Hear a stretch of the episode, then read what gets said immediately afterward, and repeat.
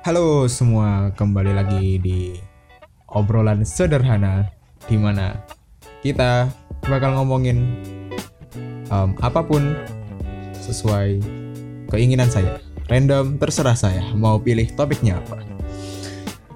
Hmm, ini kan sudah mulai masuk mulai masuk lagi dari liburan akhir tahun ya yang SD, SMP, SMA udah mulai masuk, yang kuliah mungkin ada beberapa yang belum libur bahkan eh, kasih kayaknya udah pada libur sih. Udah ada yang mulai masuk, udah ada yang mau masuk bakal sebulan lagi ke depan. Intinya kita uh, mulai Januari ini kita udah masuk ke semester genap yang biasanya ya intinya yang yang dalam jenjang pendidikan pasti uh, familiar dengan semester ganjil, semester genap dan tiap tahunnya ada semester ganjil dan semester genap. Dan semester genap ini adalah waktunya persiapan untuk teman-teman dalam jenjang pendidikannya baik itu udah pendidikannya nggak baik itu sih maksudnya uh, pada masa ini jenjang pendidikan itu akan beralih ada yang dari SD ke SMP, SMP ke SMA atau SMK, SMA atau SMK itu atau perguruan tinggi. Dan itu sangat penting dan bakal berpengaruh apa pun pilihan kalian ke depannya maksudnya ketika berubah alih jenjang itu bakal berpengaruh ke depannya masalah perkuliah itu masalah uh, perkuliahannya nanti karir pekerjaan dan lain-lain dan uh, adik saya saat ini pada ada di kelas 9 SMP yang bakal masuk ke SMA dan SMA atau SMK yang dia ingin yang ingin pilih. Dan saya tertarik untuk membahas ini karena ini juga berdasarkan pengalaman juga. Jadi uh, saya akan membahas sih apa sih perbedaannya SMA atau SMK gitu kan. Jadi buat teman-teman yang mendengarkan mungkin adiknya ataupun adiknya yang mau alih SMA atau SMK atau gimana mungkin bisa menjadi re referensi. Wih kayak anu aja kayak pakar pendidikan aja. Oke kita bahas mulai dari SMA uh, eh, standar lah ya SMA itu tiga tahun jenjang pendidikannya. Lalu di SMA itu ada tiga jurusan yaitu ada jurusan IPA IPS dan bahasa. Tapi bahasa ini nggak setiap sekolah punya jadi kebanyakan punya IPS, uh, eh, IPA dan IPS. Lalu uh, ketika teman-teman memutuskan untuk ke SMA itu kalau saya boleh saran harus sudah tahu keinginannya apa.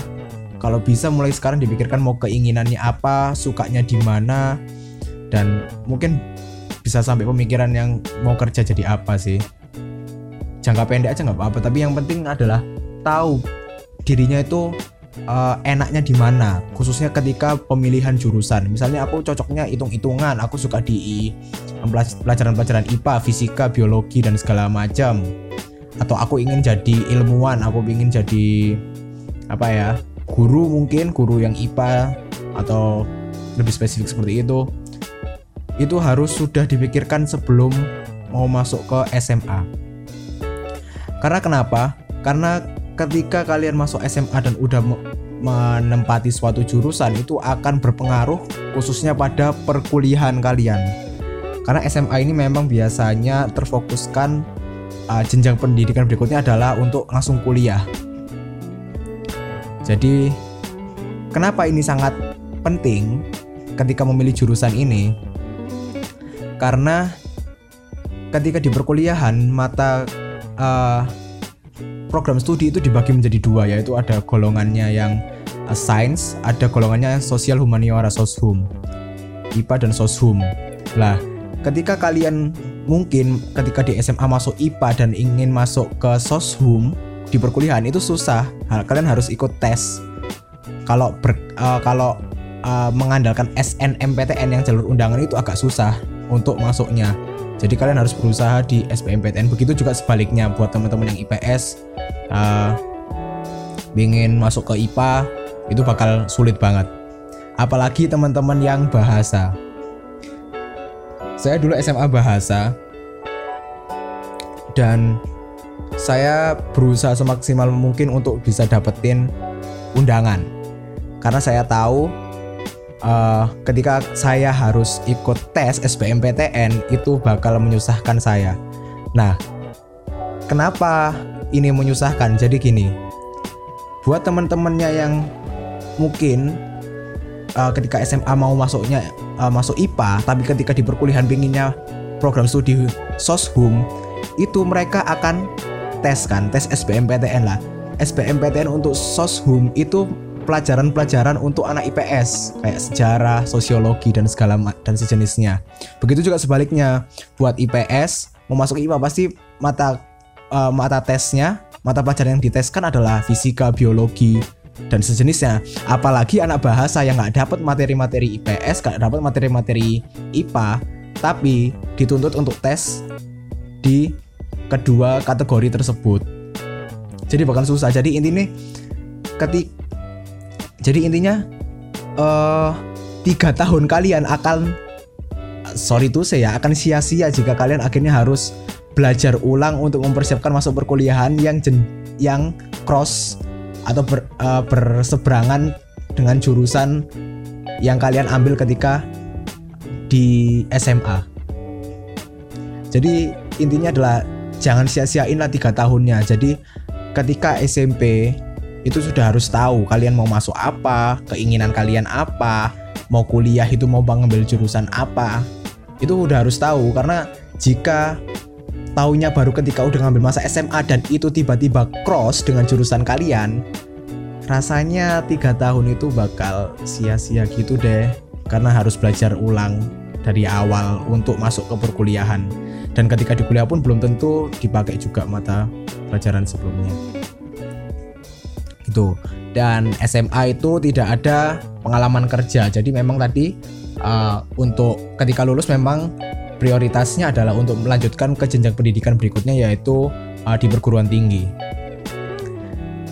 Berikutnya SMK buat teman-teman yang mau masuk SMK atau bingung SMA atau SMK SMK jenjang pendidikannya biasanya 3 sampai 4 tahun karena ada magang.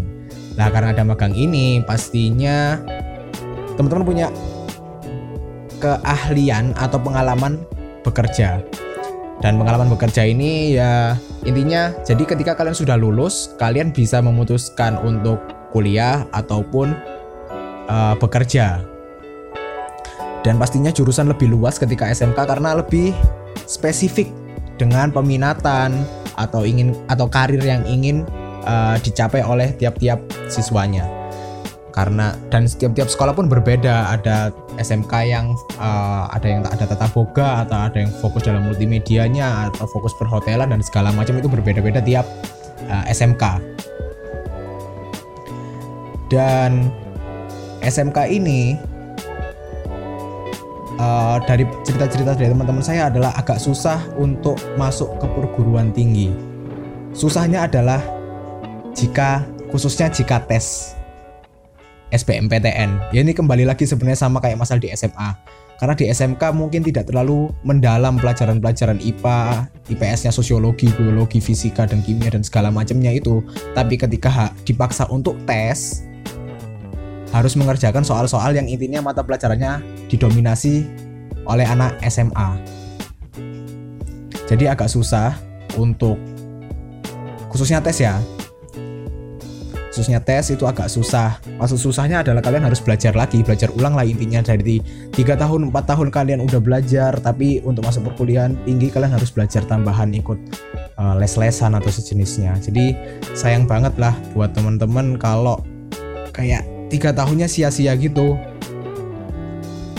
Jadi mulai sekarang dipikirkan peminatannya di mana tertarik dalam bidang apa dan ketika masa peralihan ke SMA atau SMK itu sudah tepat pemilihannya mulai dari SMA mana, jurusannya apa, SMK mana, jurusannya apa, seperti itu.